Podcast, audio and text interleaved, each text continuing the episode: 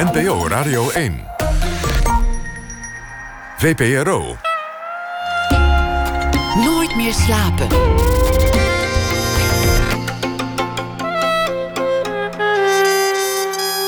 Met Pieter van der Wielen.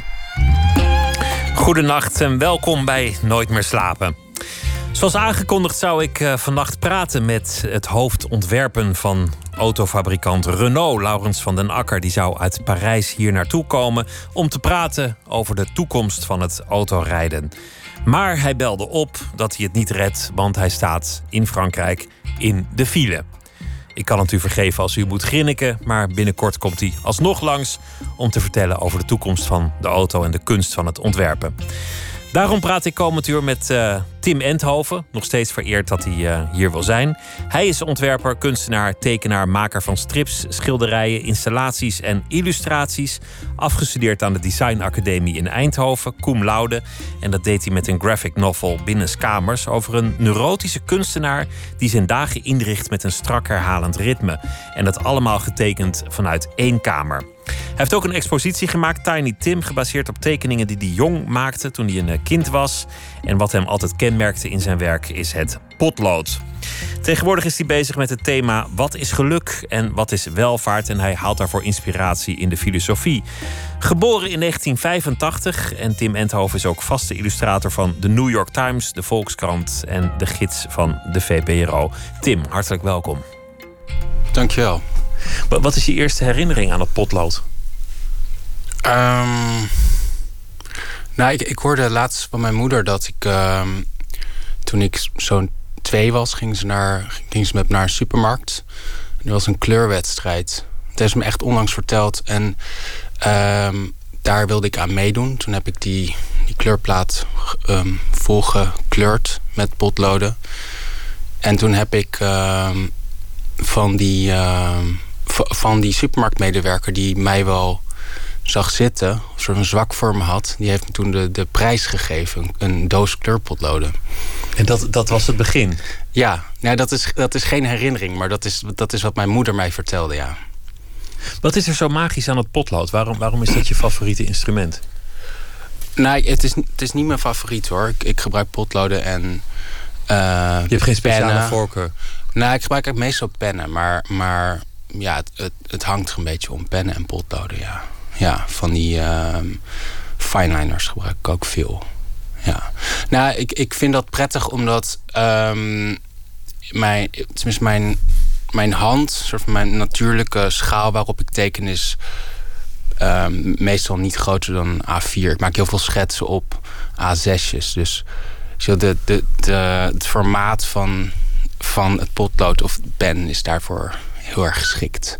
Ja, grotere uh, streken met, met kwasten en zo uh, hebben me nooit zo gelegen. Wel, wel uh, vaak geprobeerd, maar ik, ik kom altijd weer terug bij een kleine schaal. En de computer, ja. heeft, heeft hier ooit je hart veroverd?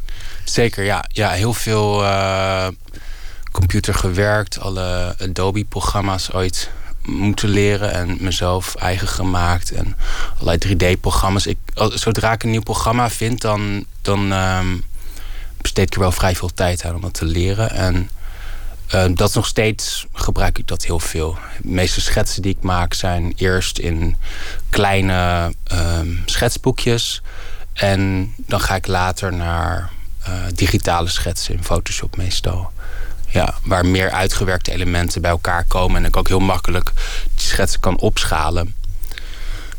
Um, en ze dan vervolgens weer uit de computer haal door, door ze uit te gaan werken in, uh, op grotere vellen of door ze um, uh, in samenwerking met anderen uit te voeren in, in drie, of driedimensionaal. Dus ja. Laten we teruggaan naar die kleurplaat. Want dat, dat, is, uh, dat heeft een zekere romantiek. Want die herkent ja, iedereen. Nogal, ja. Een kleurplaat. Weet je nog wat, wat de tekening was? Wat er ingekleurd moest worden? Nee, het is niet mijn herinnering. Mijn het is je moeders herinnering. Ja. En die wist dat ook niet meer. Nee, nee nou, ze deed voorkomen alsof ik niet, niet erg goed had gedaan. Maar dat, dat, dus dat, dat meisje had een zwak voor mij. Dat, dat die was heeft je gematst? Ja, die heeft me gematst. Er was, was een, een zogenaamde gunfactor aanwezig. Maar wat ging je daar vanaf, vanaf dan tekenen? Wat, wat waren de dingen die jij als kind uh, nou, ik, ik daarna dat is ook een geleende herinnering dat ik. Mijn tante had het over een slakje dat ik ooit tekende waar ze helemaal weg van was. Maar ik ben vanaf. Ik, weet, ik ben altijd. Ik ben op een gegeven moment vuurwerk gaan ontwerpen. Ik ben auto's gaan ontwerpen. Ik ben kastelen gaan ontwerpen. Van alles gaan ontwerpen. Ehm, en op een gegeven moment ben ik ehm, in de ban geraakt van Andy Warhol. Toen ik een jaar of, denk 12 was, 13 was. En toen ben ik een soort van zijn stijl, zijn vroege stijl, probeerde ik te kopiëren. Daar ging ik over lezen. En daarna ben ik soort van door surrealisten uh, gegrepen en probeerde ik dat te doen. En Paul Klee kwam nog voorbij en Pierre Alashinsky kwam voorbij. Dus heel veel bronnen raadplegen en dat imiteren of proberen na te ja, doen? Ja, inderdaad. Ja, proberen ook um, met terugwerkende kracht onderdeel van die beweging te worden. van die historische beweging. Wat me ja, niet, niet, niet echt goed gelukt is als tienerjongen. Maar ik heb er wel uh, ja, een, een hoop gehad, ja, op die manier. Ja. Waarom wilde je zo graag tekenen toen? Welke rol vervulde dat in je leven? Um, nou, het was. Ik denk dat het begon met, met um, plezier. Dat ik daar, daar een, een prettig tijdverdrijf. Dat vind ik nog steeds wel. Dat je lange tijd op iets kan concentreren en dat er een bepaalde, bepaald aandachtsniveau nodig is. Um, en een gegeven moment begon dat ook te worden. Dus toen ik, toen ik die andere die kunstenaars leerde kennen, begon het ook voor mij middel te worden om iets, om iets te worden zelf. Om ergens naartoe te gaan. Um, om de wereld in te gaan. Ja, ja, ja. Dat en ook om, om te communiceren. Dus ik was een erg um, schuchter kind. En ik, dus ik, probeer, ik probeerde ermee te communiceren. Wat meestal niet lukte hoor. Omdat ik um, ik denk dat op een gegeven moment begon ik um, ehm, 17e eeuwse kunst en, en daarna ook renaissance kunst te waarderen. En toen begon ik heel allegorisch te werken. En ik denk dat mijn, mijn allegorieën iets te cryptisch waren om, om echt als communicatie te dienen. Maar wat bedoel je met allegorisch? Noem, noem daar eens een voorbeeld van. Nou ja, ik, ik, ik, ik heb bijvoorbeeld. Op een gegeven moment uh, begon ik uh, tafereelen met jagers en, en honden en wild. Um, te tekenen en, en te schilderen ook. En ik, ik, ik, ik weet niet meer precies hoe ik dat deed, maar, maar ik, ik zag mijzelf dan afwisselend als de jager of als het wild. En, um, als de gejaagde. Als de gejaagde. Dus daar waren allerlei um, ja, sociale situaties in het dagelijks leven die ik daarin verbeelde. Onnodig cryptisch. Dat begreep ook niemand dat het over jou nou, ging. Nou, alleen ik. Je, je, hebt ook wel eens, je hebt ook wel eens al je klasgenoten geportretteerd in, in een groot werk. Uh, ja, ja, klopt. Ja, ja, dat, nou, dat, dat heb ik voor de, de Tiny Tim gedaan toen. Dat was een. Uh, nou, ik bedoel, dat was een, een gefingeerd werk. Dus dat, dat is met terugwerkende kracht heb ik dat gemaakt. Dat heb ik, uh, Alsof je, je jezelf als jongeling was. Ja, maakte klopt. je dat toen je eigenlijk ja, ouder was? Ja, het idee van de tossing was dat ik. Um, dat ik werk vanaf een bepaalde leeftijd zou gaan cureren, dan wel uh, ontwerpen uit die tijd zou uitwerken. Dus dat heb ik gedaan. Um, ja, dat, ik, ik um, was daarvoor in eerste instantie um, heel gefascineerd door René Daniels, schilder. die op een gegeven moment rond zijn veertigste een, een, een hersenbloeding kreeg. En daarna heel lang niet meer kon werken. En daarvoor was hij nog steeds heel beroemd, een fantastische kunstenaar. Maar het werk dat hij daarna maakte, dus hij heeft volgens mij tien jaar geduurd voordat hij weer werk kon maken, kon tekenen en zo. En dat werd dan niet meteen gezien als onderdeel van zijn oeuvre. En het idee dat je gevangen kan zitten in je eigen oeuvre, dat, dat, ja, dat vond ik een soort van een gruwel en, en vreselijk en fascinerend. Dus daar probeerde ik iets, iets mee te doen, ja, met dat gegeven het gebrek aan vrijheid dat je kunt ervaren als artiest wanneer je je oeuvre jou beheerst en niet andersom. Ja, ja. En, welke rol speelde dan het, het portretteren van alle klasgenoten daarin? Waar, waarom, waarom wilde je dat? Nou, dat de die um, dat soort van ik heb heel licht een, een narratief gebruikt in die tentoonstelling. Dus er waren verschillende ruimtes die uh, door de jaren heen mijn, nou, niet mijn voortgang, maar mijn, ontwikkeling lieten zien. En um, een van die ruimtes was een ruimte waar het ook een, een, kinderkamer van mij was, waar ik mezelf voorstelde toen als um, zeer schuchter, eenzaam kind. Dat als een klasgenoot portretteerde in een soort van um, zo'n poortje dat kinderen kunnen maken. Opdat ik iedere avond ik thuis zou komen, naar bed zou gaan, onder dat poortje van klasgenoten door zou gaan. Um, dus bij wijze van um, van huldiging of um, welkom geheten worden in de groep. Ja, bij gebrek aan, uh, aan werkelijk. dat, ze, dat ze de poort voor je open zouden doen. Maar, maar het is ook monnikenwerk om, om, hoeveel zijn het er? 20, 25 klasgenoten op die manier te nou, portretteren? Nou, ik, ik, ik werk dus soms met, um, met mensen die die werk voor mij uitvoeren. Dus dat was ook een van de ontwerpen die ik heb gemaakt. En dat is toen door iemand anders uitgevoerd. Het daadwerkelijke grote werk. Um, wat ik dan ook wel weer interessant vind, dat het, dat het niet eens zelf gemaakt is. Um, je hebt niet echt een lamme pols gehad door het tekenen van die klasgenoten? Nou, niet specifiek van die klasgenoten. Ik heb vaak genoeg een lamme pols, maar niet, daarvan. Dat is gewoon een beroeps, beroepskwaal. Die, die heb je gewoon Ja, ik moet uitkijken, ja. ja, ja. Dat zegt ook wel iets over hoe fanatiek je tekent. Als die pols steeds op de loer ligt. Ja, ja zeer fanatiek. Ja, ik, ik moet mezelf echt beschermen. Ehm, zeker. Ja, ik moet, moet altijd um, over, ja, best wel goed overwegen hoe ik dingen aanpak. Hoe ik bijvoorbeeld voor tentoonstellingen dingen plan. Hoe groot de projecten zijn die ik aanneem. Omdat ik, als ik iets doe, dan wil ik het wel um, en dan wil ik aller tijd aan besteden die ik nodig heb. En soms past dat niet en soms betekent dat dat het te lang achter elkaar tekenen is. Het kan obsessief worden, het kan een drang worden die niet meer gezond is. Nou ja, kan, kan worden, kan je achterwege laten, ja. Dat wordt het gewoon. Dat is het, ja. ja. ja. In je, in je afstudeerproject schetste je een, een, een kamer ja. Het was een bijna architectonische tekening. Een soort, soort tekening die overzicht biedt over één ruimte. Ja. Het was ook een mooi format voor een strip om, om nauwelijks die ruimte te verlaten. Ja.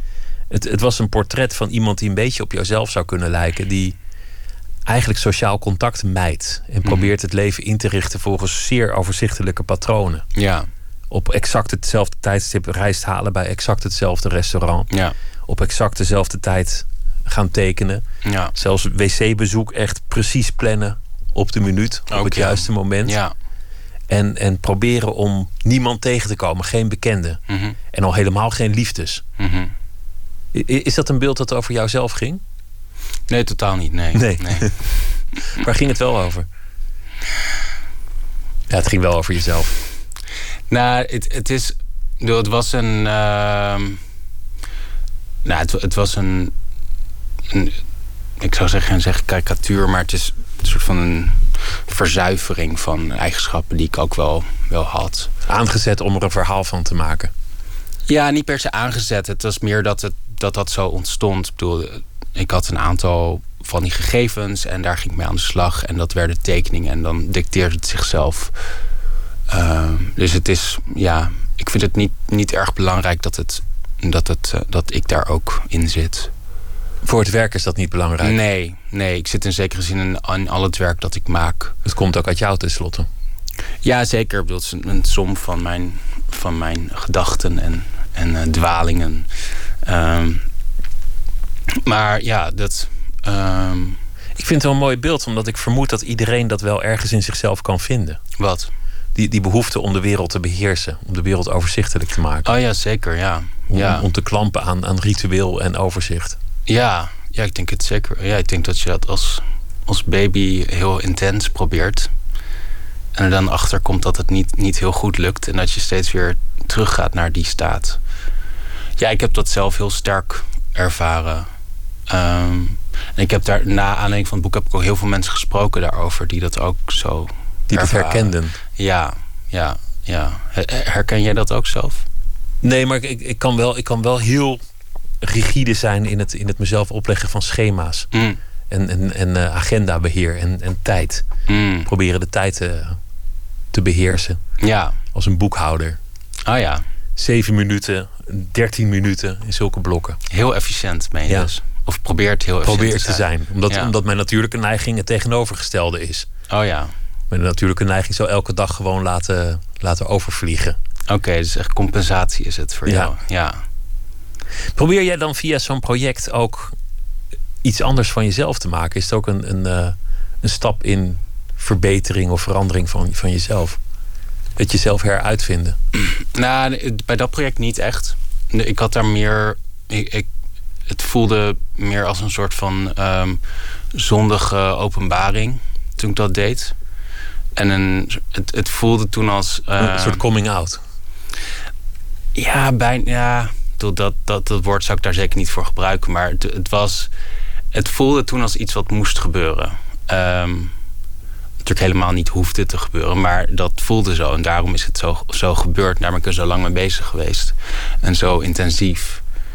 Ehm, maar in andere projecten is dat wel zo, denk ik, dat dat, dat impliciet altijd wel eh, een wens is. Of een, ja, een soort van in grotere lijnen of op middellange termijn speelt dat altijd. Dat je zelf als een ander persoon uit je project komt. Ja, zeker, ja. Nou ja, ik bedoel, ik... ik ehm, dat, dat boek, ehm, het, ehm, ik citeer daar ook eh W.F. Hermans, dat die zegt over zo'n... ehm welk boek is het ook weer? Nou, dat hij... bedoel, over W.F. Herman, maar... Ja, nooit meer slapen. Ja, maar dat hij zegt, wat heb ik parafraseer nu, maar dat toen ik terugkwam uit, ik dacht dat ik iemand anders zou worden. Nou, Toen ik, toen ik als ik als ik naar Canada zou geweest, zou ik, zou ik iemand anders zijn geworden. Zo, bedoel, ik, ik, ik citeer het heel slecht hoor, maar, maar zo dat gevoel dat, dat als je daar maar, maar komt, als je maar in Canada komt, dat je dan verandert en dat je dan al je, je zwaktes en je ergernissen overwint en weer terugkomt als soort van zegevierend figuur. Dus dat zit, dat, doel- dat zit heel letterlijk in dat boek van, eh, als opdracht. En dat, dat, is, dat heeft een hele grote rol in mijn leven gespeeld, steeds. Ja. Steeds was het van de ene belofte naar de andere. Ja, een soort van voortslepen van... Van de belofte van zelfverwezenlijking of van Ja. het worden van iemand anders. Ja, een punt aan de horizon stellen. En vanaf dat moment kon ik weer al die energie en, en aandacht en ehm, die concentratie kon ik daarop richten.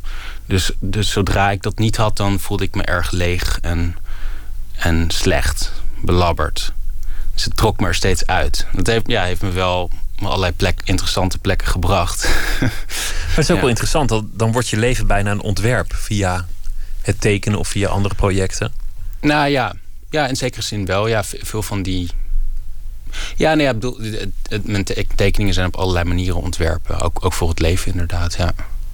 Ja. Werkt het ook uiteindelijk? Want, want er zijn zoveel mensen die altijd bezig zijn met zelfverbetering Ja. of, of eh, met, met een reis of een, eh, of een retraite in de Ja. hoop er beter uit te komen. Ik vraag me af of dat bestendig is of dat we uiteindelijk toch weer vervallen in, eh, in ons Nee, ja, basispatroon. voor zover ik weet ga je nog steeds dood tegenwoordig.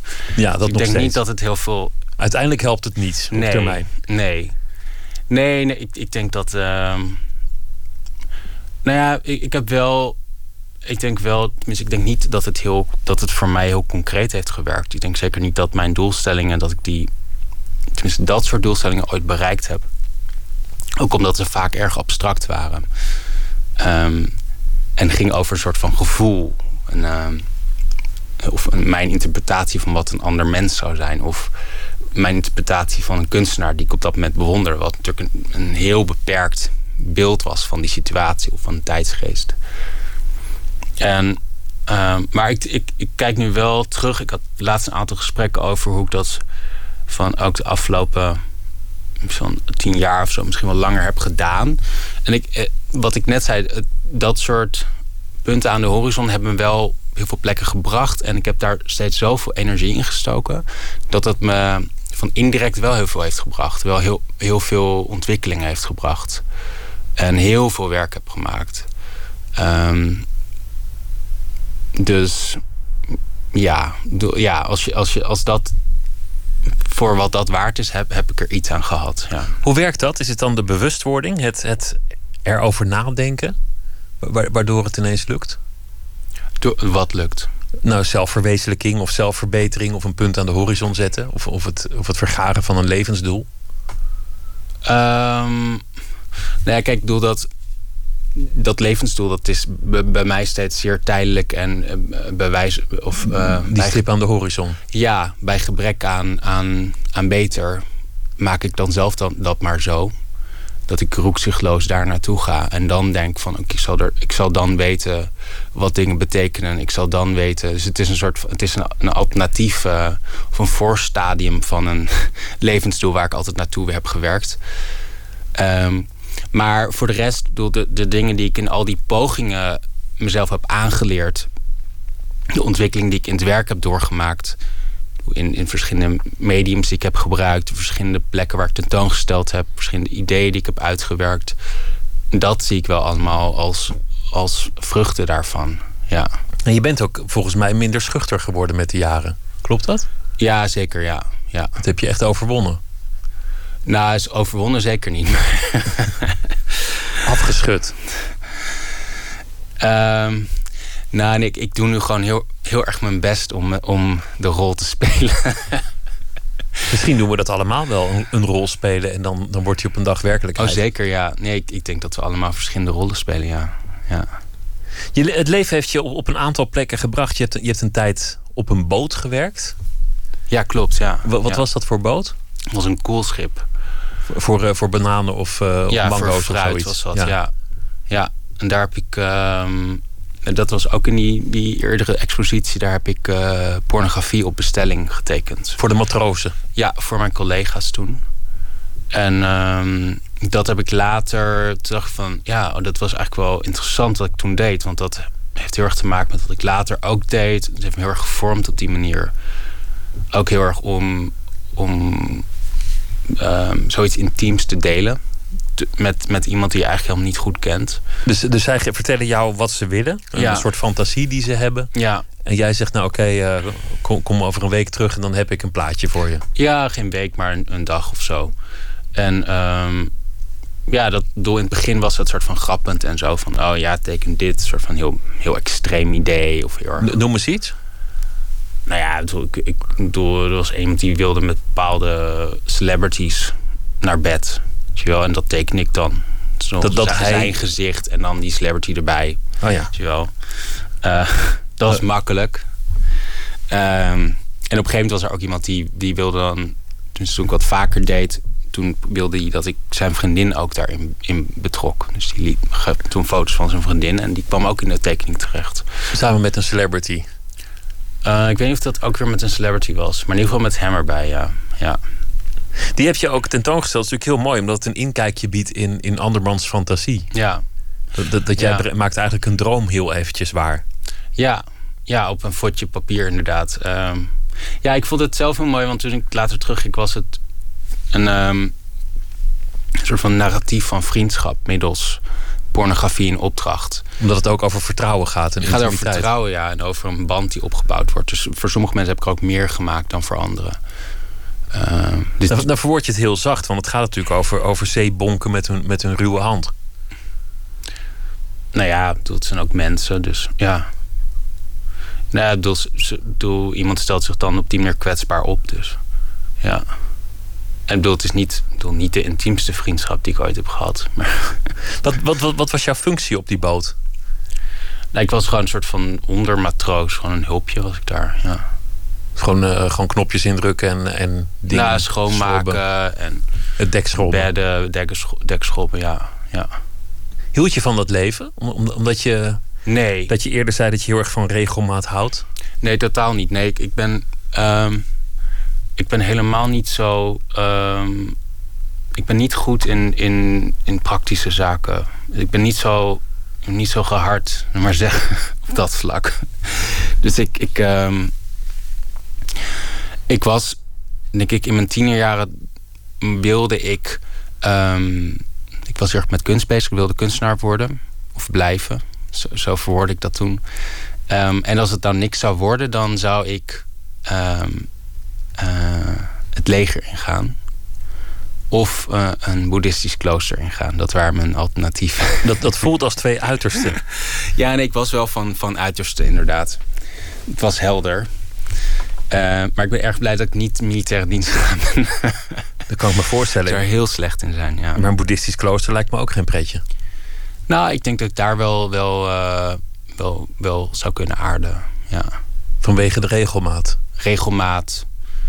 Uh, bepaalde rust. Uh, ik zou... Ik wel de ideeën zou ik denk wel kunnen praktiseren, ja. Je hebt ook in, uh, in New York gewoond. Ja. Je hebt, je hebt uh, aan Yale gestudeerd. Je hebt een tijd in Brooklyn gewoond. Ja. Wat, wat voor periode was dat? Uh, nou, ik heb eerst dus twee jaar uh, Yale School of Art gedaan in New Haven. En dat was um, heel intens. Het was uh, een fantastische tijd. Um, waar ik ja, heel veel, heel veel nieuwe dingen leerde. Dus sowieso de taal heb ik daar geleerd. Was, er werd heel veel gesproken. Heel erg um, van, ik kwam erachter dat veel Amerikanen daar een heel ander soort van opleiding hebben gehad. Dat die heel erg gewend zijn te oreren. Dus ik stond steeds met mijn oren te klapperen. Als ik dan weer iemand vanuit het niets een geweldig betoog hield over, over een werk. Dat is eigenlijk een manier om jezelf te verkopen. Zeker, ja. En dat kon ik niet. Tenminste, het kwam er heel, heel stuntelig uit. en heel erg uh, houterig en ook heel, heel direct. Te direct soms. Dus daar, daar heb ik heel veel aan gehad. Um, en voor de rest werd er heel veel gesproken over het werk door kunstenaars die ik bewonderde. Die kwamen dan langs in je studio. Je sprak veel met je, met, met mijn studiogenoot sprak ik veel. En, um, en um, daar ook veel werk gemaakt. Ja, heel veel werk gemaakt. Dat ik nu ook. Dus het meeste werk dat ik daar heb gemaakt, weet ik nu niet zo goed hoe ik me daarover moet voelen.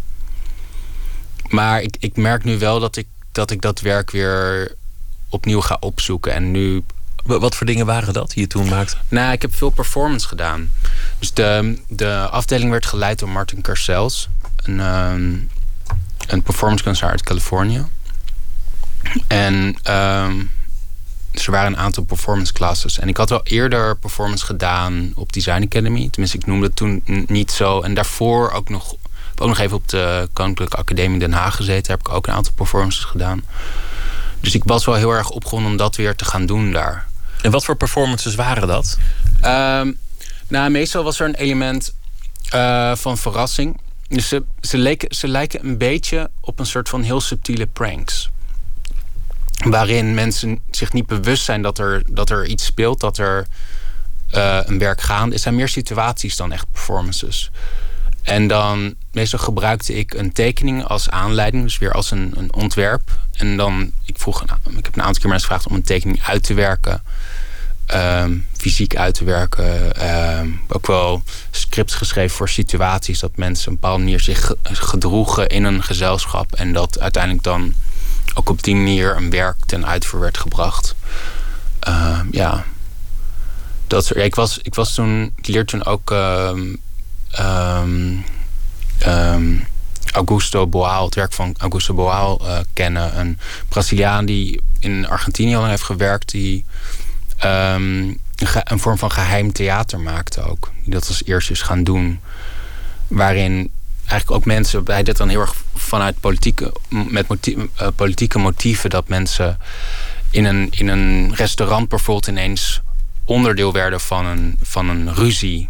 Die, uh, dus theater zonder dat het is aangekondigd dat ja, het theater zal zijn. Ja, klopt. Ja, dus, dus Bijna gewoon grappen in de openbare ruimte. Of Wat zeg je? Onverwachte situaties creëren in de openbare ruimte. Ja, maar hij had dus heel, dus heel sterk een politieke agenda. Dus die zo'n um, situatie kon bijvoorbeeld zijn dat er, dat er omdat er een ruzie ontstond over een, een, uh, een fooi die gegeven werd, dat op die manier de lage lonen van uh, het bediend personeel aan de kaak kon worden gesteld. En dat doordat die ruzie openbaar werd in zo'n restaurant, dat mensen daar, zich daar uh, bij ging, gingen voegen en daaraan mee gingen doen op die manier. Um, dus daarover gingen nadenken. En dat, ja, dat, dat vind ik ja, absoluut briljant.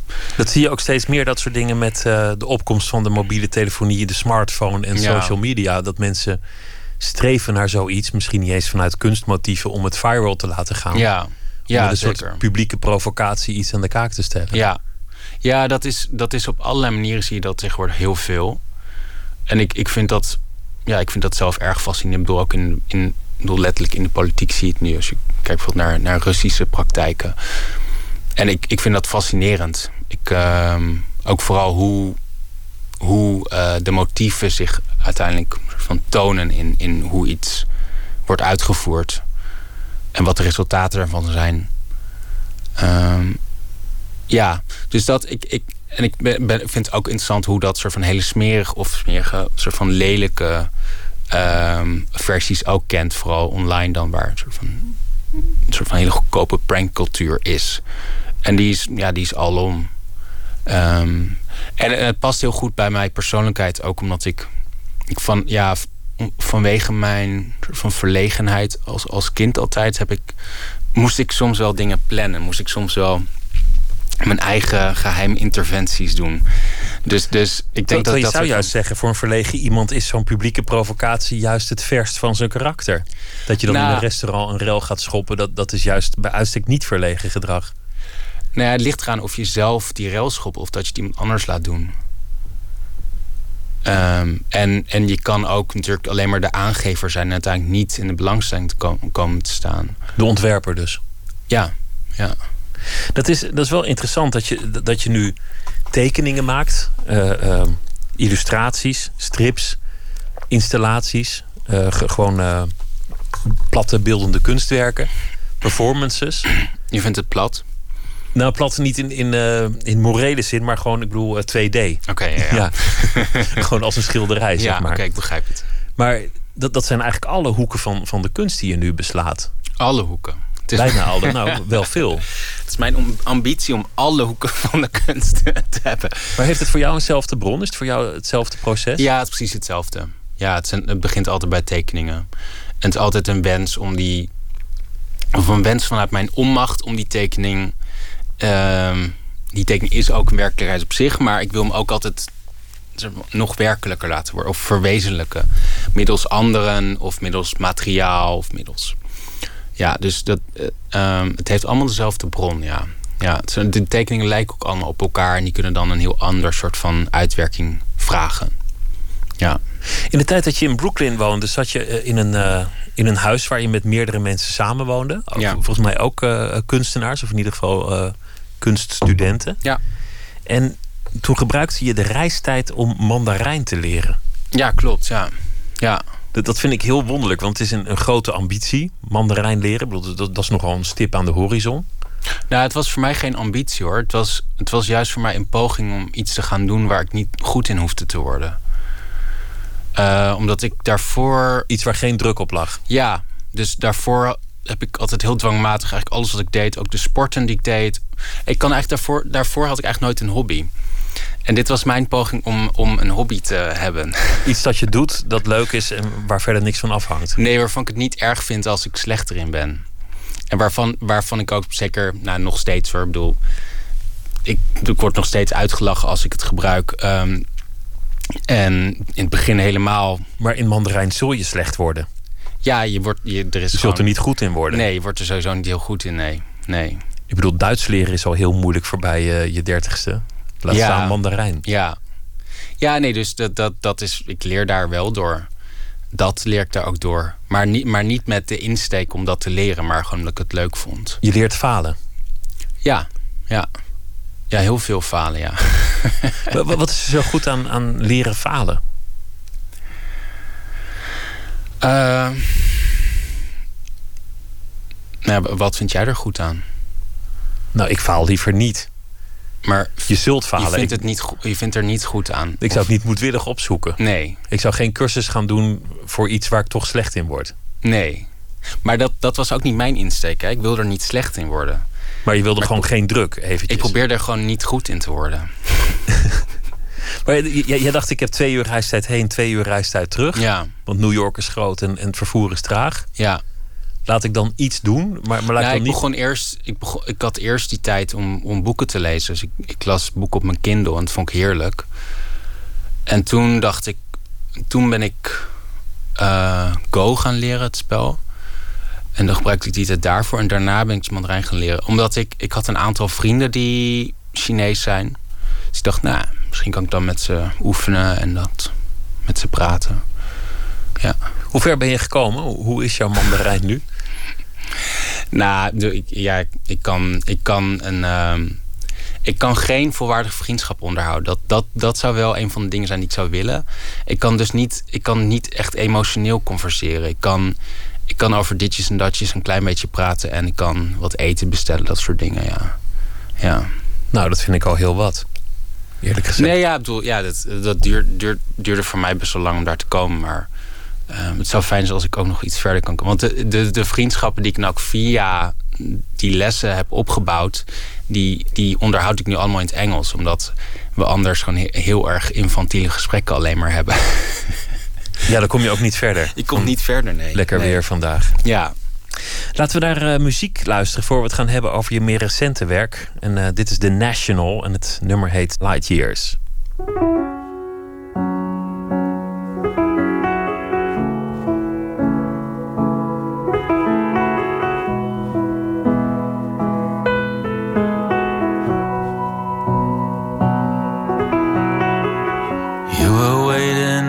in the sun, laying down to soak it all in. Before we had to run, I was always ten feet behind you. From the start, didn't know you were gone till we were in the car. Oh, the glory of it all was lost on me till I saw how hard it'd be to reach you. And I would always be light years, light years away from you. Light years, light years away from you. I thought I saw your mother last weekend park. It could have been anybody. It was after dark. Everyone was lighting up in the shadows. Alone, you could have been right there next to me, and I'd have never known. Oh, the glory of lost on me till I saw how hard it'd be to reach you. And I would always be light years, light years away from you.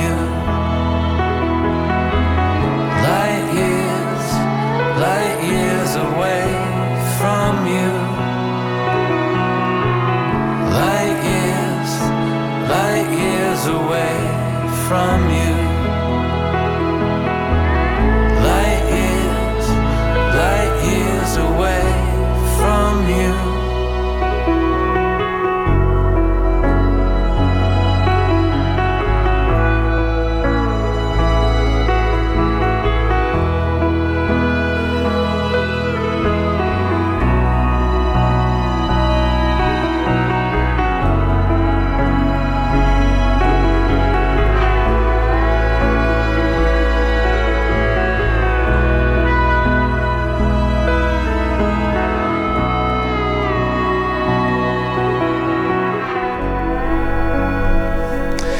The National was dat met het uh, nummer Lightyears. Nooit meer slapen in gesprek met Tim Endhoven.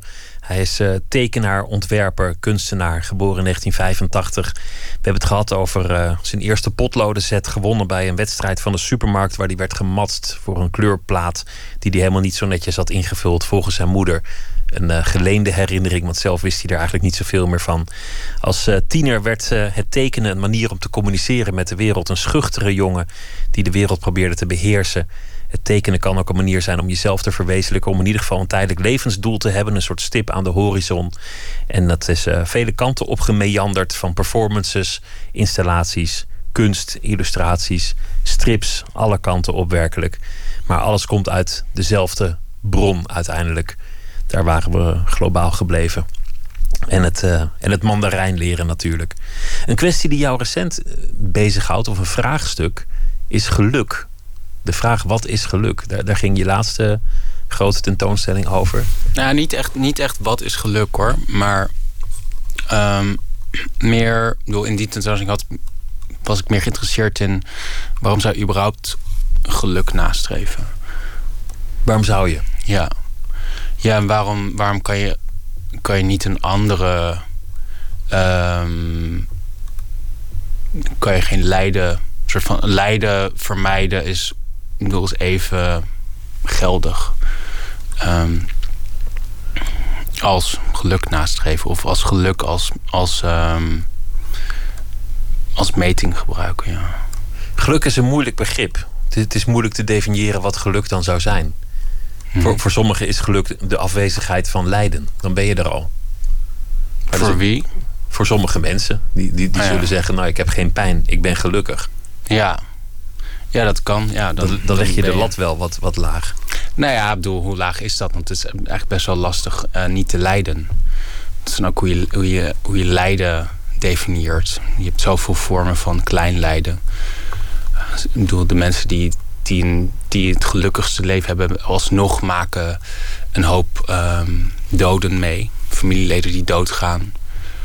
Um, verbroken liefdes. Verbroken liefdes. Tegenslagen, teleurstellingen. ja, een eigen je zult, dood. Je zult lijden. Ik denk dat het, dat het een illusie is dat je niet zult lijden. Ja. Nee, dat, nee, dat is helemaal geen zinnig idee. Nee. Kun je, kun je wel op hopen. Veel sterkte. Maar ja. waar begon jouw jouw fascinatie voor dat vraagstuk van, van geluk? Nou ja, bedoel, als je teruggaat dan naar mijn wens om boeddhist te worden ooit. Ja, dus heel vroeg al. Ja. Ja, ik, had, ik, ik, ik heb de wereld altijd gezien als een. Toch al, ja. Ik was ook met Schopenhauer bezig. Ik was altijd wel bezig met, met hoe ik lijden kon vermijden. Meer dan met geluk. Geluk was eigenlijk nooit echt een, een, um, een wezenlijk doel of überhaupt iets dat bereikbaar was. Ja. Je had niet gedacht dat je gelukkig zou worden? Nee, nee, totaal niet. Nee. Nee, ik had ook gedacht dat ik nooit bijvoorbeeld een, een romantische partner zou hebben. Uh, nee, ik dacht dat het vooral een, een, lange, een lang lijden zou zijn. Waarin het werk wat verlichting zou bieden of structuur zou bieden. Ja. Waarom dacht je dat? Uh, nou ja, ik denk omdat ik, dat, omdat ik het op, die, op dat moment ook wel zo ervaarde. Het leven was zwaar. Nou ja, ik bedoel relatief. Ik bedoel, ik, het, was, het, was niet, het was gewoon meer dat dat normaal was. Ja, het was niet dat ik, dat ik um, constant extreem aan het lijden was. Maar het was, het, dat was voor mij normaal. Gewoon, ja. ja. Dus hoe, hoe, kan ik, hoe kan ik het lijden iets verlichten? Ja. Ben je nu gelukkig? Zou je het zo omschrijven? Nou, dat vind ik wel, wel wat gortiger. Geluk is te gortig, dat gaat te ver. Nou, ik, weet, ik, ik leid wel iets minder nu. Ja. Ja. Ik leid, ja, ik leid. Ik denk nu wel minder leid dan ik, dan ik ooit heb geleden, ja. Ja. Het is ook een luxe om te lijden. Het, het is een, een, een luxe om, om jezelf toe te staan om het verdriet te voelen, te ervaren en aan te gaan. En het, het is in die zin dat je daar de tijd voor kan nemen? Of wat bijvoorbeeld, en, en dat, je dat, dat je het aan kunt om dat in de ogen te kijken... en dat je het niet hoeft te verdoven of te ontvluchten... of er voor weg hoeft te rennen. Ja, zeker. het is deel van leven. Er zit ook een geluk in lijden, op een paradoxale manier. Het zingen van de blues, bijvoorbeeld. Ja, nee, dat, dat is meer ja. zwelgen wellicht, maar toch. Ja, ja. Ik bedoel, dat is... Dat is denk ik anders. Dat is een stap daarna. Door melancholie is, is denk ik een heel, heel specifiek, specifieke vorm van, van lijden... waar inderdaad ook vreugde in zit. Um, meer sublimatie daarvan, denk ik. Maar ik zou zeker niet zeggen dat lijden een, een luxe is. Of bedoel, als je dan specifiek zegt dat je de tijd hebt om erbij stil te staan, dat kan je een luxe noemen. Dat, bedoel, tijd is natuurlijk een luxe. Tijd daarvoor hebben. Geld daarvoor hebben is een luxe. Aandacht. Ja, ook wel. Bedoel, de, ja. Ja. Niet door hoeven te, te lopen. Een, een, een ding dat in, in je expositie een rol speelde, was ook een soort tegenstelling tot, tussen de gelukkigen en de niet-gelukkigen die heel dicht bij elkaar zitten. Mm -hmm. Dus een, een, een barbecuende gemeenschap. En even later hangen ze opgehangen als het ware aan, uh, aan de bomen. Zijn, het, zijn het bungelende lichamen. Ja. Een heel, heel wrang en heel direct beeld.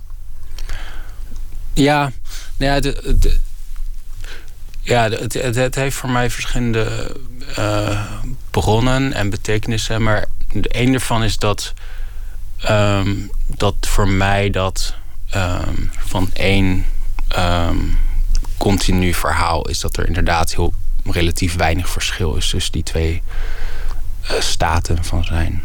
Tussen het geluk en het lijden? Nou ja, ik vind. Ik vind ze. Ja, ik vind het in die was het niet, het niet echt uh, handig om die dingen als uitersten te zien, maar meer van een schaal van geluk of een schaal van lijden zou ik het over hebben. En um, het gaat dan specifiek daarover um, over ideeën die um, van gangbaar zijn over dat een kleine samenleving die heel erg gelukkig is, dat die per definitie beter is dan een grotere samenleving die iets minder gelukkig is. Het, het, gaat me meer over, het gaat me niet daarin specifiek over hoe iemand nou uh, zo gelukkig is, een persoon, of precies hoe gelukkig, maar het gaat me daarin vond ik het interessant om überhaupt te kijken van um, hoe zit dat nou? Is dat wel zo? Is het wel zo dat, dat geluk iets is dat je wil? En is het ook zo dat um, geluk op bepaalde manieren beter is dan geluk op andere manieren? En dan gaat het bijvoorbeeld over de verdeling van geluk. Of je een samenleving hebt waarin iedereen even gelukkig is, Ja. of een samenleving waarin een aantal mensen het ultieme geluk krijgen. Ja, ook bijvoorbeeld, ja. En, en Als je dat al kan meten. Nou ja, ik bedoel, het is heel abstract. Dus het zijn. ehm, je stelt dat, dat die samenleving is. Je hoeft, bedoel, het heeft niets met de realiteit te maken. Dus het is een gedachte-experiment. Ja, heel theoretisch. En dat, dat vind ik interessant. Ik vind het interessant om, om die, die schaal van denken, dat abstracte denken, ehm, te gebruiken in mijn werk. Dat is hoe ik, hoe ik zelf graag denk ook. Hoe ik de wereld graag zie. En dat ehm, te combineren of tegen, tegenover een heel een, soort van hyperconcrete versie van ehm, de realiteit te, te stellen. Een heel persoonlijke versie. Ik bedoel, de, een beetje de schaal van binnenskamers die ik gebruikte. Van echt het individu die zich verhoudt tot ehm, die abstracte ideeën. Die individu die, die ehm, de gevolgen ervan ondervindt. Van iemand die plant dat een samenleving uit zoveel gelukkigen zou kunnen bestaan en zoveel minder gelukkigen. Je was geïnspireerd door eh, de filosoof Parfit. Dat is een, eh, een man, hij, hij leeft niet meer sinds een Nee. paar jaar. Die, die zich bezighield met dit soort eh, vraagstukken op, op, een, op een heel abstract niveau. Ja, Eh, een van de vragen die hij zich stelt is bijvoorbeeld of het individu wel bestaat. ja, En of het individu wel een goed uitgangspunt is voor denken over een samenleving. ja. En dat, is- dat is wel een interessant iets om over na te denken, omdat dat onze hele model van samenleving is, is gebaseerd op het individuele geluk. En de vrijheid van het individu. En de competitie tussen individuen. En hier komt dan een man die zegt dat, Gro- die- ja, dat individu wel, ja. dat Ja. bestaat helemaal niet. Ja. Is er niet. Ja, zeer relevant dus. Dat, het, zijn, het zou prettig zijn als, als eh, politici zi- zich die stof ook eigen zouden maken. Ik, Maar ik vond, ik vond het ingewikkelde materie. Echt, echt moeilijk. Nou ja, het, het heeft een. Het is in eerste instantie. Toen ik eraan begon. Toen, het zijn ideeën die niet heel vanzelfsprekend zijn. En da, dat, daar zit soort van de moeilijkheid in. Dat je een aantal stappen moet maken. En vanaf dat moment kan je dat heel makkelijk overal zien. En Ik zie, ik zie ook een aantal van ideeën zo- steeds soort van in alle situaties terug. Eh, het is heel helder. Het is heel fris en helder. En wat spreekt jou aan in die filosofie? Wel, welke ideeën heb je je eigen gemaakt? Nou ja, wat mij, wat mij vooral aanspreekt is dat, ehm, dat dingen ehm, van anders zijn dan ik zou verwachten. Soort van die verwondering daaraan. Dat, dat, dat is wat mij daarin aanspreekt. En, ehm, Bijvoorbeeld In zijn zeggen dat er geen individuen zijn. bijvoorbeeld dat er geen. Ja, nou, ik bedoel niet zeggen dat dat er niet is, maar zeggen van wat betekent dat eigenlijk? Wat, hoe definieer je een individu? En op, in verschillende situaties kan die definitie ineens verschillen. En welke definitie hanteer je dan? En bedoel dan ook de vraag die daaruit rijst van oké, welke waarom hanteer je deze definitie en niet een andere? Dus daar zit ook dan weer, zoals even terugkomend op Augusto Boal, zit ook weer een agenda in. Um, doet het, een maatschappelijke agenda, een mogelijk, ja, agenda. mogelijk of een, of een economische agenda. Er kunnen allerlei agenda's achter die definities zitten. Dus wat, wat ik er interessant vind, is dat je jezelf gereedschappen geeft om de wereld te ontleden. Om, om gedachten te ontleden en om stil te staan bij. Niet per se bij wat mensen achterhouden, maar meer het, het, het, het denkraam dat mensen gebruiken.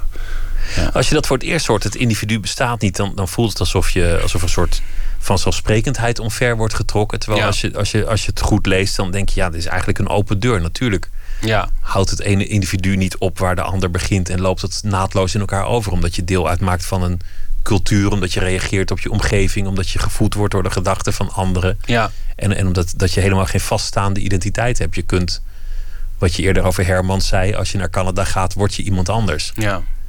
Dus, dus dan is het heel logisch. Een ander ding dat hij, dat hij schrijft, en, en dat vond ik nog iets ingewikkelder, dat hij denkt dat, dat geluk altijd ten koste gaat van ander geluk. Alsof er een, een bepaalde netto hoeveelheid geluk in de wereld is. Mhm. En als een waterbed, als je, als je hier drukt, dan zal daar het geluk toenemen, maar daar afnemen. Ja. Voor onze luxe wordt elders geleden. Ja. Nou ja, vind je dat een vreemd idee? Of...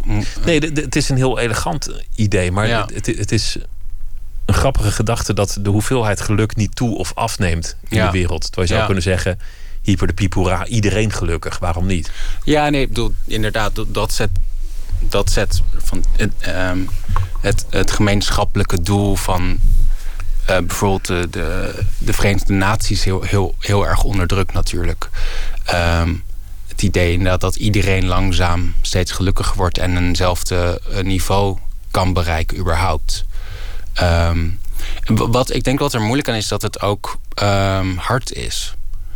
Dat het betekent dat er een, een bepaalde status quo is waar je. Um, Geluk is onmogelijk voor velen. Ja, of, of, of, of een, een, een, veel, veel laag of minder geluk voor, voor iedereen, zou je dan aan moeten denken, concessies doen. Ja, dus het wordt ineens, het wordt ineens een, uh, een keuze. Het is interessant dat je, dat je zulke abstracte uh, ideeën over een samenleving tot hele concrete kunst maakt. Dat je ervoor kiest om juist dat soort onderwerpen ja. te verbeelden. Ja, nou ja, ik denk dat dat heeft. Ik denk dat dat heeft gewoon met mijn, hoe mijn hoofd werkt te maken. Hoe, hoe, waar ik over nadenk en wat mijn fascinaties zijn. Dat, ik die, dat is wat jou bezighoudt. Ja, het blijft. Het is natuurlijk iets wat ik op mezelf probeerde toe te passen altijd. Door vanuit filosofie verbetering in mijn eigen leven ehm, te creëren. Ehm, maar wat, wat, wat mezelf ook gewoon constant blijft bezighouden, hoe ik steeds tot paradoxen kom, dat, um, dat ik vanuit een bepaalde ideologie, iets, iets waar ik over nadenk, iets waar ik over twijfel, dat ik tot beslissingen moet komen die ik eigenlijk in, van in een in mijn persoonlijke leven niet direct wil doorvoeren of, of lastig vind. Um, je hebt dat bijvoorbeeld um, als je het hebt over uh, concessies die je moet doen uh, als, als vegetariër of veganist. Daar komt het heel dichtbij, heel concreet wordt het dan. Oké, wat, wat offer je op en is dat überhaupt een opoffering? Um, ook als je hebt over. Ik veel bezig is met antinatalisme. Met het idee dat nieuwe mensen creëren niet goed is. Um, en tot daar kan je dan wel, kan ik dan zelf wel overtuigd van raken. Maar wat zijn de consequenties voor mijn eigen leven daarvan? En wat zijn de consequenties voor het leven van mensen om mij heen? Um, dus grote ideeën over een samenleving toegepast op het kleine leven van het individu. Ja. Daar zit de fascinatie, het grote en het ja, individu. Waar dat, waar dat elkaar bijt en waar, waar dat contradicties oplevert. En waar die verschillende schalen van denken samenkomen en niet passen. Ik, ik ken jouw werk in eerste instantie van de New York Times. Die, die lees ik al heel lang op papier. Ja. En dan heb je dat magazine, dat is een soort glossy, die komt eens in de zoveel tijd erbij. Een beetje alsof de hele wereld miljardair is met uh, advertenties voor Rolexen en uh, sportwagens en luxe jachten. Ja. En uh, een rubriek 52 plekken die je dit jaar moet zien. Ben je geen miljardair dan? Nee, nog Nee? steeds niet. Ah. En, en, en maar bedelen zou- bij die het niet VPRO. zeggen. Ja, Nee. ik voel me miljardair. Ja. Dat moet ik, er, moet ik erbij zeggen. De tekeningen die jij daarin maakt, dat zijn, zijn prachtige eh, illustraties. En, en een van de thema's die je daarin een, een aantal keer hebt gedaan, is, is een soort menselijk figuur dat tegelijk een soort vestingwerk is. Dus een soort eh, vesting van de oudheid. Of, of je, je maakt eigenlijk gezichten die tegelijk een, andere, eh, een, een ander plaatje bieden. Als je In, begrijpt dat, in ik het bedoel. magazine? Ja. Een, soort, een soort, een soort oud-Griekse burcht had je een keer gemaakt met een, die, die meteen een gezicht was. De mens als Oh, ja, dat zou- ja, ik weet niet meer welke dat was, maar dat, ja, dat zou heel goed kunnen. Ja. Dat klinkt als iets wat ik zou kunnen doen. Ja. Ja. ja. ja kijk, het werk dat ik daarvoor doe is, is heel erg een opdracht. Dus het is heel. Ik, ma ik ben een. een ik, ik werk de idee die zij hebben, werk ik uit daarvoor. En. ehm, Dat gaat niet over jezelf als burcht of vesting. Nee, nee, daar zit, daar zit. Nee, dat is echt meer een soort van ambacht eigenlijk. Ik bedoel, ze, ze vragen mij als zij moeilijke stukken hebben die ze aan iemand anders kwijt kunnen. Of als, ehm, als ze iets willen wat ze maar net door de redactie kunnen krijgen. Dan vragen ze mij. Dat is een- dat Beeld, bij abstracte artikelen, bij essays. abstracte of moeilijke artikelen of artikelen waar niemand anders iets mee wil doen. Dan, dan vragen ze mij, ja. Het is wel Ja. eervol, toch? Het is een mooie, mooie Nee, opdracht. eervol en, en lastig inderdaad. ja. ja. Ja. Vaak, vaak heel knap gedaan. ja, dankjewel. Het was, eh, was leuk om met je te praten dit, eh, dit uur. En ik eh, wens je heel veel succes met alles dat je, dat je verder nog gaat eh Ja, maken. dankjewel. Ja, ik Dankjewel. jou ook. Tim Enthoven, dankjewel. Graag gedaan. En eh, zometeen hebben we de podcastreeks Lees Days, waarin eh, vergeten boeken en meesterwerken opnieuw in het licht worden geplaatst. Om te kijken of iemand ze dan alsnog ergens eh, uit de kast weet te rapen. En zometeen gaan we het hebben over een verhalenbundel van Jean Rees onder meer. En heel veel andere dingen ook zometeen in eh, Nooit meer slapen. Twitter, het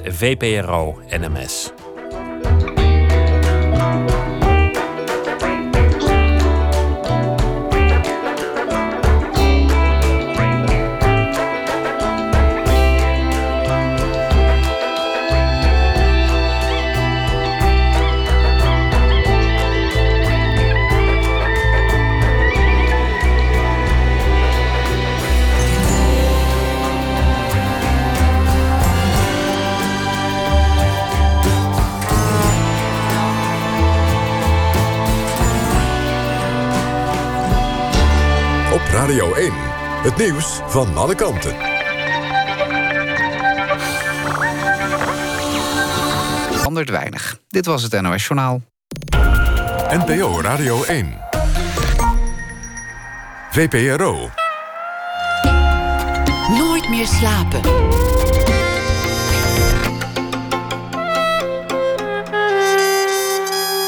Met Pieter van der Wielen.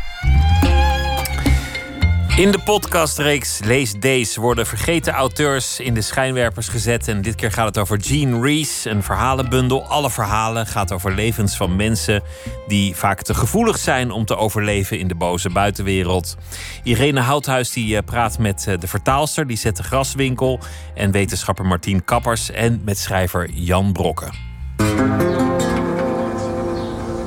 Ver weg blafte een hond. Kraaide een haan. Zaagde iemand hout. Ik lette amper op wat ze zei. Want plots overviel het me weer. Dat gelukzalige gevoel.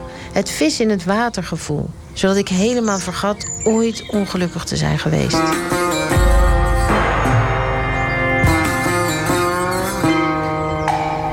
Welkom bij Lees Days, de podcast over vergeten literaire meesterwerken. Mijn naam is Irene Houthuis. Ik spreek met drie kenners over het boek Alle Verhalen van Jean Rees. Rees, geboren in 1890 op het eiland Dominica in de Cariben, is bekend geworden met De Wijde Saragossa-zee. De roman die gebaseerd is op een van de personages uit Jane Eyre van Charlotte Bronte. De schrijver Jan Brokke is een grote bewonderaar van Ries. Hij schreef de inleiding bij het boek Alle Verhalen. Ik hoorde van Christine Hemmerichs over Jean Rees. Ik stond op het punt naar eh, het Caribisch gebied te gaan. En toen ik dat zei, toen zei ze tegen me... te veel blauw. te veel purper, te veel groen. De bloemen te rood, de bergen te hoog, de heuvels te dichtbij. En dat was een citaat uit Wijd Sargassozee, de wijde Sargassozee. Dat bleef zo in me hangen, het één zin, zo goed weergegeven. Toen dacht ik, dit, is, dit, dit moet een heel groot schrijver zijn. Dus ben ik alles gaan lezen. Wat vindt u zo bijzonder aan de beschrijving van die kleuren waarmee ze het eiland beschrijft, denk ik? Ja, alles is te. Als je Dominica kent, dan is inderdaad alles te. De bergen te hoog. Het is het enige Caribische eiland met echt met een hele ruige bergen. De, de natuur is eh, wild, ongerept eiland. Het is een eiland zonder stranden ook. Het, het rijst zo uit zee op. En die hele sfeer van het eiland zet ze neer in een, een paar woorden, een paar zinnen. Heel, heel knap is dat. Jean Rees reisde vaak door Europa en heeft in veel landen gewoond. Haar verhalen en romans spelen zich dan ook af in de Cariben van haar jeugd, het Engeland tijdens de Eerste Wereldoorlog, het Parijs in de roerige jaren 20 en het Wenen tijdens het interbellum. Jan Brokke is zo door Jean Rees gefascineerd dat hij twee boeken over haar heeft geschreven. En de vrouw is een vreemde en Goedenavond, Mrs. Rees. Ik had ook het nadrukkelijk voorgenomen. Ik ga eh, over één ding schrijven. De jeugd van eh, Jean Rees. Niet over haar hele werk. Volgens mij is die jeugd alles bepalend geweest. Want toen wonen ze op het eiland. Ja, tot 17 jaar heeft ze op Dominica gewoond. En ze heeft Dominica, dat ontdekte ik eh, langzaam maar zeker, moeten verlaten. Omdat zij een. Nou ja, nu zouden we zeggen een verhouding heeft gehad met een gekleurde jongen. Maar volgens mij waren het maar één of twee zoenen of zo. Het, het stelde niet veel voor. Maar ja, in die tijd, dus we hebben het nu over ja, begin van de 20e eeuw zo. 1906, 1907 was dat eh, echt. En de, de verhoudingen op dat eiland die lagen zo scherp. Zij als witte vrouw, Ja. gezoend met een gekleurde man. Nou ja, zij zat tussen alles in. Want zij was een witte vrouw, maar zij kwam dus echt uit een familie van, van Dat zijn eh, blanken die al heel lang wonen op het eiland Dominica. En haar moeder had ook een, een, een plantage daar. En eh, met het plantagegebouw. Haar vader was een, eh, een arts uit Engeland. Maar de moeder had dus hele lange oude banden. Ze noemde de, de Creoolse bevolking, want Jean was typisch een Creoolse, noemden ze white niggers in destijds, witte negers. Ze had een manier van praten van eh, de zwarte bevolking op het eiland. Ze had dat, dat, dat, ritmische wat je ook in haar proza door, door hoort klinken. Het klinkt als een calypso. Met veel herhalingen ook. Kom, Het is heel erg ritmisch. Je, je kunt die teksten van Jean Rees zo zingen. U denkt dat haar schrijverschap bepaald eigenlijk is door je eerste 17 jaar op, op dat eiland. Op wat voor manier? Ze stond echt tussen, tussen de bevolkingsgroepen in. Eh, was daardoor een eenling, een buitenstaander. En ehm, dat heeft haar wel eh, in haar, eh, haar, haar manier van schrijven gevormd. In al haar verhalen. Heeft ze het standpunt van de buitenstaander of beschrijft ze de buitenstaander? Van binnenuit.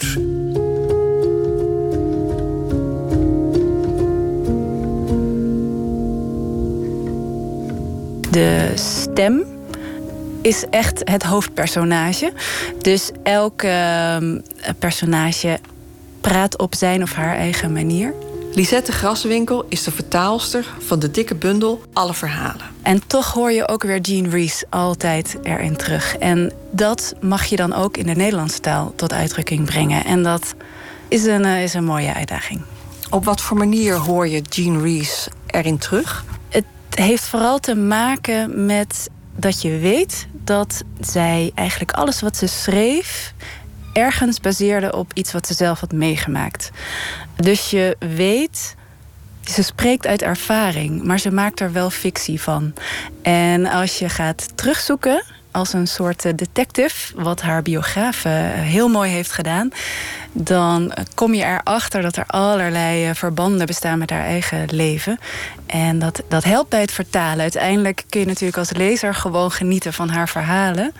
Maar het, het voegt toe om te weten waar het allemaal vandaan komt. En omdat ze ook zo subjectief zijn en zo, zulke gevoelige verhalen met gevoelige personages. Is het belangrijk om te weten waar het vandaan komt. Bijvoorbeeld hoe ze het in, uh, in honger aanpakt. Uh, dat is een, een korte schets. Ze zit in het hoofd van iemand die geen geld heeft en niet kan eten. En dan gaat ze bijvoorbeeld beschrijven hoe dat proces per dag zich voltrekt. En uh, in welke gemoedstoestand je dan terechtkomt. Nou ja, dat is vrij dramatisch eigenlijk. Maar ze brengt dat dan weer zo licht ironisch en, en grappig met ook een, een, een grappige uitsmijter op het eind. Dat je er toch om moet glimlachen. En je weet, ah, het is wel weer goed gekomen. Maar ze heeft dus wel dat allemaal meegemaakt. Ze heeft gewoon echt honger geleden. Dat, dat uh, kunnen wij ons al nauwelijks voorstellen.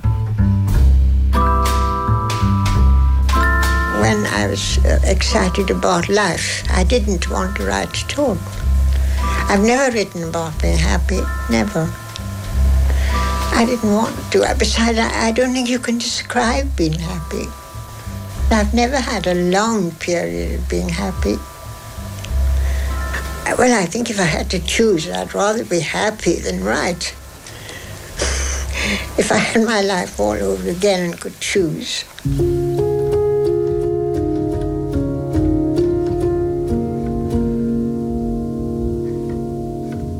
Ik ben op een bepaald moment aan de universiteit gaan werken. En toen um, kwam ik ja, eigenlijk een beetje door toeval... waarvan ik zelf niet meer precies weet hoe, hoe dat komt... tot de ontdekking dat Jean Rees een enorme interessante Nederlandse achtergrond heeft. Omdat ze met een, uh, een Nederlander getrouwd is in, uh, in de jaren twintig. Martien Kappers was docent Engels aan de Universiteit van Amsterdam. Ze is inmiddels gepensioneerd. Zijn echte naam was Jean Lenglet.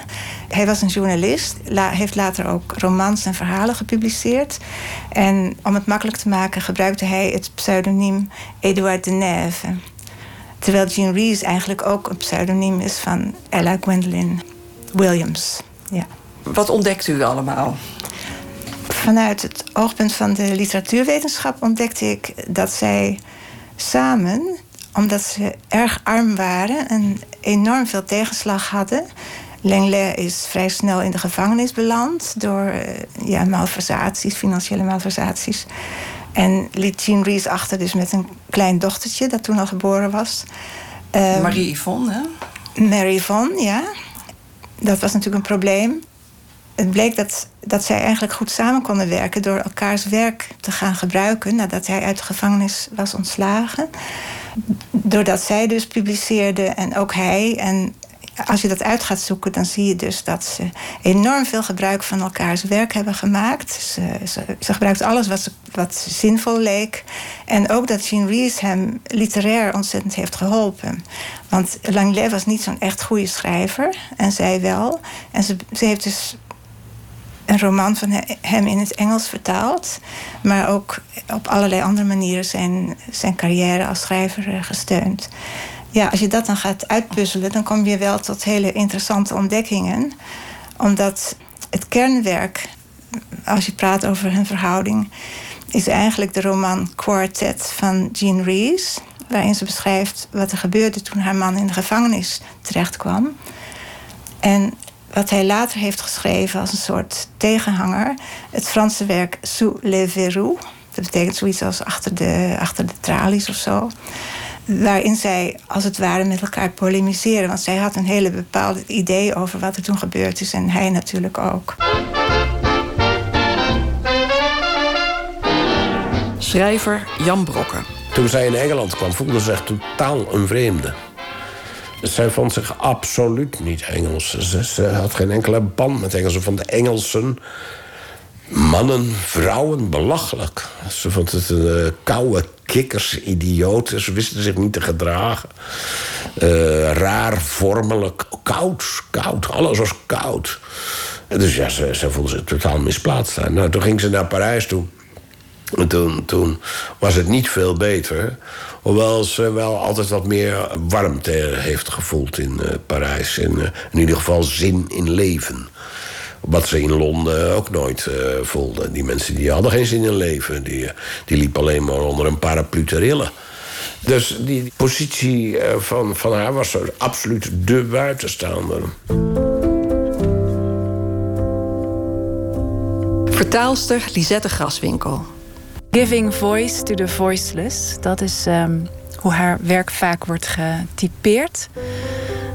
Haar sympathie lag bij de mensen die niet gehoord worden, omdat ze niet van de juiste kom af zijn, niet ehm, geld hebben of ehm, het op een andere manier moeilijk hebben of niet.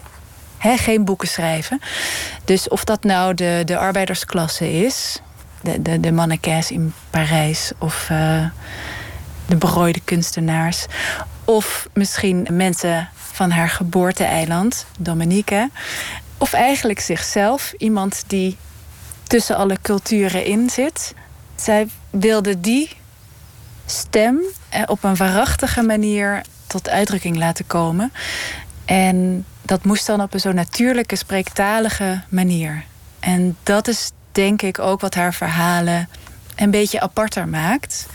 Het is niet een verteller die uh, zegt, nou, hij zei dit en zij zei dat. Maar je zit echt in het hoofd van iemand. Of je hoort iemand als het goed is spreken. En het kan zijn dat je dan het, het Franse hoort door een Franse uitdrukking. Of doordat de zin op een bepaalde manier een beetje staccato loopt. Een beetje dat Franse pittige. Of juist het melodieuze van ehm, eh, misschien een uh, Caraïbische personage.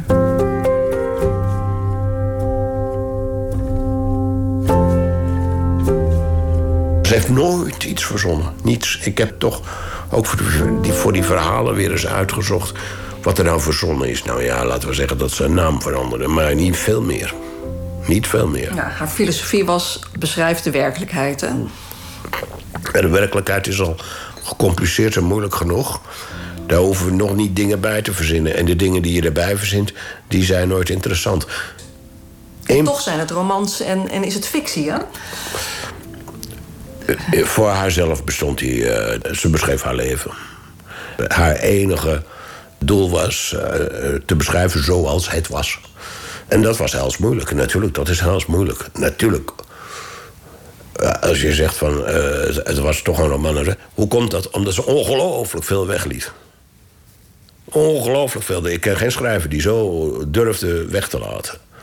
Een boek als uh, Kassossier. Dus nou ja. Als ik het had geschreven, had ik er een roman van 550 pagina's van gemaakt. Maar zij 140 pagina's. Kut, kut, kut. Dat zei ze ook tijd tegen, tegen haar editor. Kut, kut, kut. We moesten maar weer weg, wegsnijden, wegsnijden, wegsnijden. Schrappen, schrappen, schrappen, knippen, knippen, knippen. Waarom? Om uh, steeds dichterbij te komen zoals het was. Om uh, de essentie naar voren te halen. En daar is zij zo ongelooflijk sterk in. Nou ja, de vrouwen die ze beschrijft en de mannen die ze beschrijft... zijn hele levensechte mannen. Als je die verhalen achter elkaar dan zeg ja, zo'n vrouw ben ik wel eens tegengekomen. Ja, zo'n man heb ik wel eens uh, tegenover me gehad. En dat is ook weer geloofsknap. En ze kon zichzelf uh, op een bijna haatdragende manier neerzetten. De laatste verhalen die ze geschreven heeft... de oude vrouw die aan de drank is. Uh, onbarmhartig ten opzichte van zichzelf. Dat is heel knap. Dat is heel knap. Jean Rees schreef in de jaren 20 korte verhalen. En ze publiceerde in 1928 haar eerste roman. Maar met haar vroege werk had ze aanvankelijk weinig succes. Jean Rees' leven verliep niet soepel. Haar eerste kind, een zoontje, overleed kort na zijn geboorte. Daarna kreeg ze een dochter, maar ze was de eerste jaren niet in staat om haarzelf op te voeden.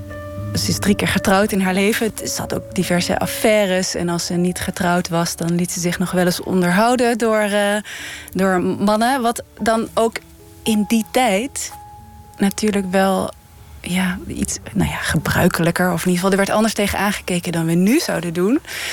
En daarover schrijft ze ook heel veel. En dat is denk ik voor ons een vrouwbeeld dat we best een beetje moeilijk vinden. Want wij willen eigenlijk een heldin die natuurlijk voor zichzelf opkomt en die zich uh, niet uh, een beetje laat. Uh, Gebruiken zelfs. Ja, ja, ja. En het is dan weer de vraag natuurlijk: gebruikt zij nou die mannen? Of gebruiken die mannen haar? Maar heel vaak trekt ze zelf wel aan het kortste eind en wordt ze heel ongelukkig. En zo gaan de verhalen in, in het boek natuurlijk ook wel. Het loopt niet goed af, meestal. Nee, het is, uh, er is zelden een, uh, een happy end. Maar het mooie is wel dat ze op de een of andere manier dat, dat wanhopige, wat veel uh, van haar personages kenmerkt, dat kan ze ten eerste goed verwoorden. Maar er is ook altijd nog een andere kant. En ze zei, want die personages zijn ook eigenlijk op een bepaalde manier heel luchthartig. En ze halen hun schouders op en ze gaan weer, gaan weer verder. Ja, en, het is een soort van onverschilligheid, maar ook een soort van ja, verveeldheid vind ik het ook uitstralen. Precies. En dat is een soort grijs gebiedje. De ene keer gaat het wat meer richting uh, onverschilligheid. De andere keer wil ze uh, een eind aan haar leven maken. En de andere keer dan is ze weer helemaal vrolijk. En dan is ze eigenlijk een beetje te vrolijk weer, een beetje manisch. Maar dat maakt haar figuren tragisch uiteindelijk, die combinatie. En dat kan ze wel heel goed doen. En gelukkig weet ze dat op een heel geestige manier te doen. Want zonder humor, dan, dan, dan wordt het zwaar. In de jaren 20 woonde Jean Rees met haar eerste man in Parijs. Wetenschapper Martien Kappers. Jean Rees schreef Quartet. En dat gaat over dun biografisch uh, verhuld. Het gaat over de tijd waarin zij introk bij een bekende Engelse man of letters, Ford Maddox Ford. En zijn, ja, wat, wat ze in die tijd concubine noemden, iemand met wie hij samenwoonde en ook een kind had, Stella Bow. En dat was een Australische schilderes. En Jean Rees is bij hen ingetrokken omdat Ford, Maddox Ford, wel iets zag in haar. Hij dacht dat ze goed zou kunnen schrijven. En dat bleek ook zo. Dat was in Parijs, half jaren twintig. Dus toen ze al getrouwd was? Toen zij al getrouwd was en haar man in de gevangenis zat. En, en zij zonder, zonder een sou zich moest zien te redden. Dat liep natuurlijk verkeerd af, die menage à trois. En daar heeft hij een boek over geschreven... waarin je toch kunt zeggen dat ze zichzelf wel een beetje als slachtoffer van haar man in de gevangenis en ook van dat niet helemaal echtpaar was geworden. Als je het boek van Lenglet leest, Eduard de Neve eigenlijk, dan zie je dat hij haar ontzettend veel te verwijten heeft. Dat, dat hij zelfs uh, suggereert dat ze te lui was om papieren uh, op te zoeken die hem misschien wat meer hadden kunnen vrijpleiten en hem niet in de gevangenis hadden doen belanden. En zo zijn er talloze voorbeelden waarin hij zijn vrouw heel veel te verwijten heeft, die we in het boek van Jean Rees niet terugvinden. Nou, het mooie, het mooie is dat wat er vervolgens gebeurt, is dat Jean Rees, want zij kon natuurlijk goed Frans uh, spreken en lezen, dat zij dat boek Sous les verrous in het Engels heeft vertaald. Als we dan kijken wat ze gemaakt heeft van Sous les verrous, dan zie je dat ze ongeveer een tiende van het boek eruit gegooid heeft. Als je gaat tellen, pagina's en woorden, dat heb ik allemaal. Dit soort dingen heb ik allemaal braaf ooit gedaan. Wat eruit blijkt is dat ze bijna alle stukken waarin zij er minder gunstig uitkomt, eruit gegooid heeft. Maar dat ze ook de vriendin van Ford, Stella Bowen, helemaal uit het boek weggeschreven heeft. Dat betekende dus, ik zie haar al voor me, een enorme herschrijverij. Maar bovenal heeft zij het dus heel erg opgeknapt.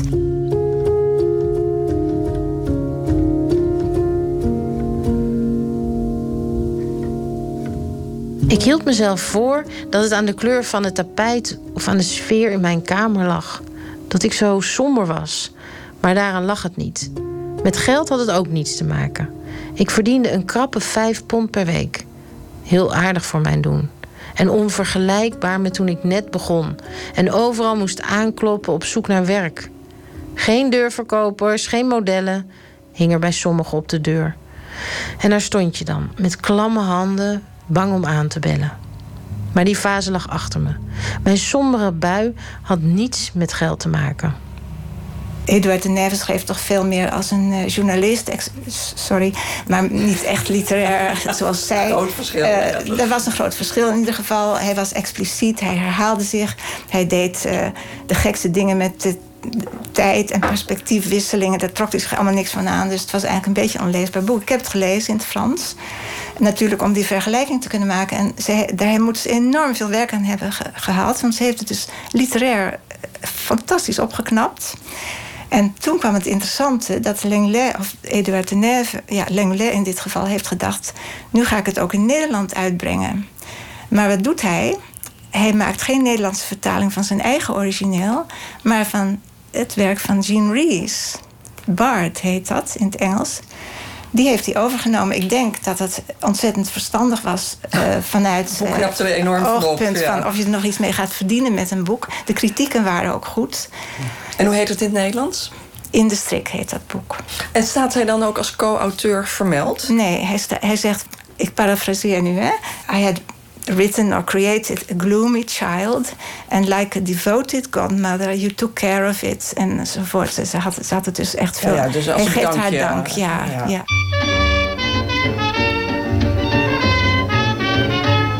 U noemt een ander thema van Jean Rees in het, in het voorwoord: de schijnbaar naïeve vrouwen. Ja, dat was ook wel het, uh, zelf. Uh, ze kon uh, in tien sloten tegelijk lopen. Dat, Zo'n type was het. Maar ze heeft niet de. En dat vind ik zelf vond ik dat altijd wel heerlijk om te lezen als man zijnde. Het was niet iemand die schreef dat allemaal de schuld is van de, van de man. Hè? De boeman, zeg maar. Als zij dus stommiteiten beging, dan zei ze ook al... ja, nou, het was ook wel naïef van mezelf of zo, dat ik dat niet ingezien heb. Ze werd op alle mogelijke manieren gebruikt. Ze werd uh, ja, bijna als prostituee gebruikt. Ze werd als uh, die beginperiode in Parijs. Dus is heel confuus geweest. Uh, in een schrijversmilieu met, met haar Nederlandse man. Daar heeft ze haar eerste boek over geschreven, Quartet... Nou, toen daar een film over gemaakt is. Toen, toen veroorzaakte die film nog in de jaren zeventig een behoorlijke schok. zij heeft de positie van de, de vrouwen heel goed neergezet. En, en ze gebruikte haar seksuele aantrekkingskracht, gebruikte zij ook, ook als persoon. Ze kon ongelooflijk charmeren. En tegelijkertijd wist ze ook dat dat wel een beetje slap was van, uh, dat, dat, uh, van een vrouw om dat te doen. Dus, dus dat hele complex dat heeft ze op een, een waanzinnig goede manier geschreven. Psychologen die, die zullen smullen van Jean Reeves. Jean Rees en haar werk raken vergeten. Ze verhuist in 1955 naar Engeland en zal daar tot haar dood blijven wonen. In 1966 publiceert Jean Rees, ze is dan 76 jaar, de roman De Wijde Sargasso-zee en breekt ze internationaal door. Over Wijde Sargasso-zee, ik heb altijd uh, gehoord dat ze uit negen jaar aan het boek gewerkt heeft. Dat klopt wel. Dat... Maar toen ik het ging uitzoeken, toen zag ik al dat ze al in de jaren dertig aan het boek begonnen is. Dus in wezen heeft ze dat boek de halve leven met zich meegedragen. En het was steeds maar weer minder, minder, minder, minder, minder. Maar ja, minder, minder. Op een gegeven moment heb je niks meer over. Dus dan moet je toch ook weer dingen toevoegen. Het was een ongelooflijk gevecht, maar ook met die, die korte verhalen van haar. Heel gevecht was het.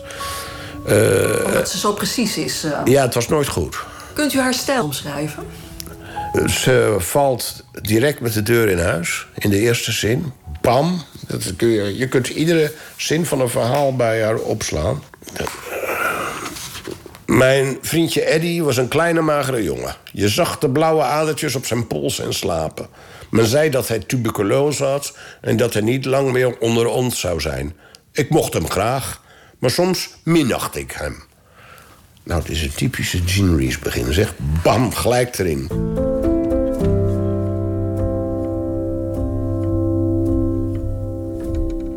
U heeft Jean Rees zelf niet ontmoet? Nooit ontmoet, nee. Maar wel haar dochter en haar kleindochter. Ja, haar dochter um, heb ik tweemaal ontmoet, dacht ik, ja. En de kleindochter, die heb ik verschillende keren ontmoet. Die woont in Engeland, nog steeds in Londen voor zover ik weet. Is vertaalster geworden. Dat was wel interessant voor mij, want die had na de dood van haar moeder alle spullen van Jean Rees geërfd. En ze wist niet goed wat ze daarmee moest doen. En toen mocht ik meehelpen om uit te sorteren. Wat ik daar aantraf was gewoon enorm veel papier. Een deel waarvan ik ook wel herkende, omdat het al beschreven was geweest eerder. Maar manuscripten? Of? Het, het, het, waren, het waren brieven, het waren manuscripten. Um, en wat ik ook heb gezien daar, was iets wat mij uh, wel ontroerde. Dat waren namelijk enkele documenten aangaande haar jong overleden zoontje. En ik realiseerde me toen, toen ik dat zag, dat deze documenten dus waarschijnlijk in haar bohemienne-achtige hele lange leven. En het was bekend van haar dat ze koffers met papieren met zich meezeilde, ondanks alle verhuizingen en wisselvalligheden in haar leven. Dat ze dus die, deze documenten, die heel pijnlijk en bijzonder voor haar zijn geweest natuurlijk, ook haar hele lange leven heeft kunnen bewaren en met zich mee, meedragen.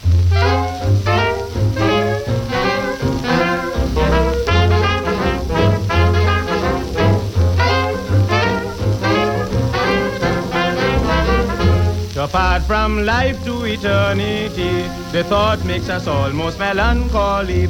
Apart from life to eternity. Tot zover deze aflevering van Lees Deze, een bijdrage van Irene Houthuis. In gesprek met de vertaalster Lisette Graswinkel, wetenschapper Martien Kappers en schrijver Jan Brokke. En de fragmenten werden gelezen door Britta Hosman. En dit was Nooit meer slapen voor deze nacht. Maandag dan is hier eh, Julius Vermeulen. En uh, hij is uh, ontwerper en doet heel veel andere dingen. En we gaan het ook hebben over zijn vader Jan Vermeulen, de beroemde boekontwerper. Dat allemaal maandag. Ik wens u nog een hele goede nacht en een vrolijk weekende. En zometeen het hoorspel half uur. Goeienacht. nacht.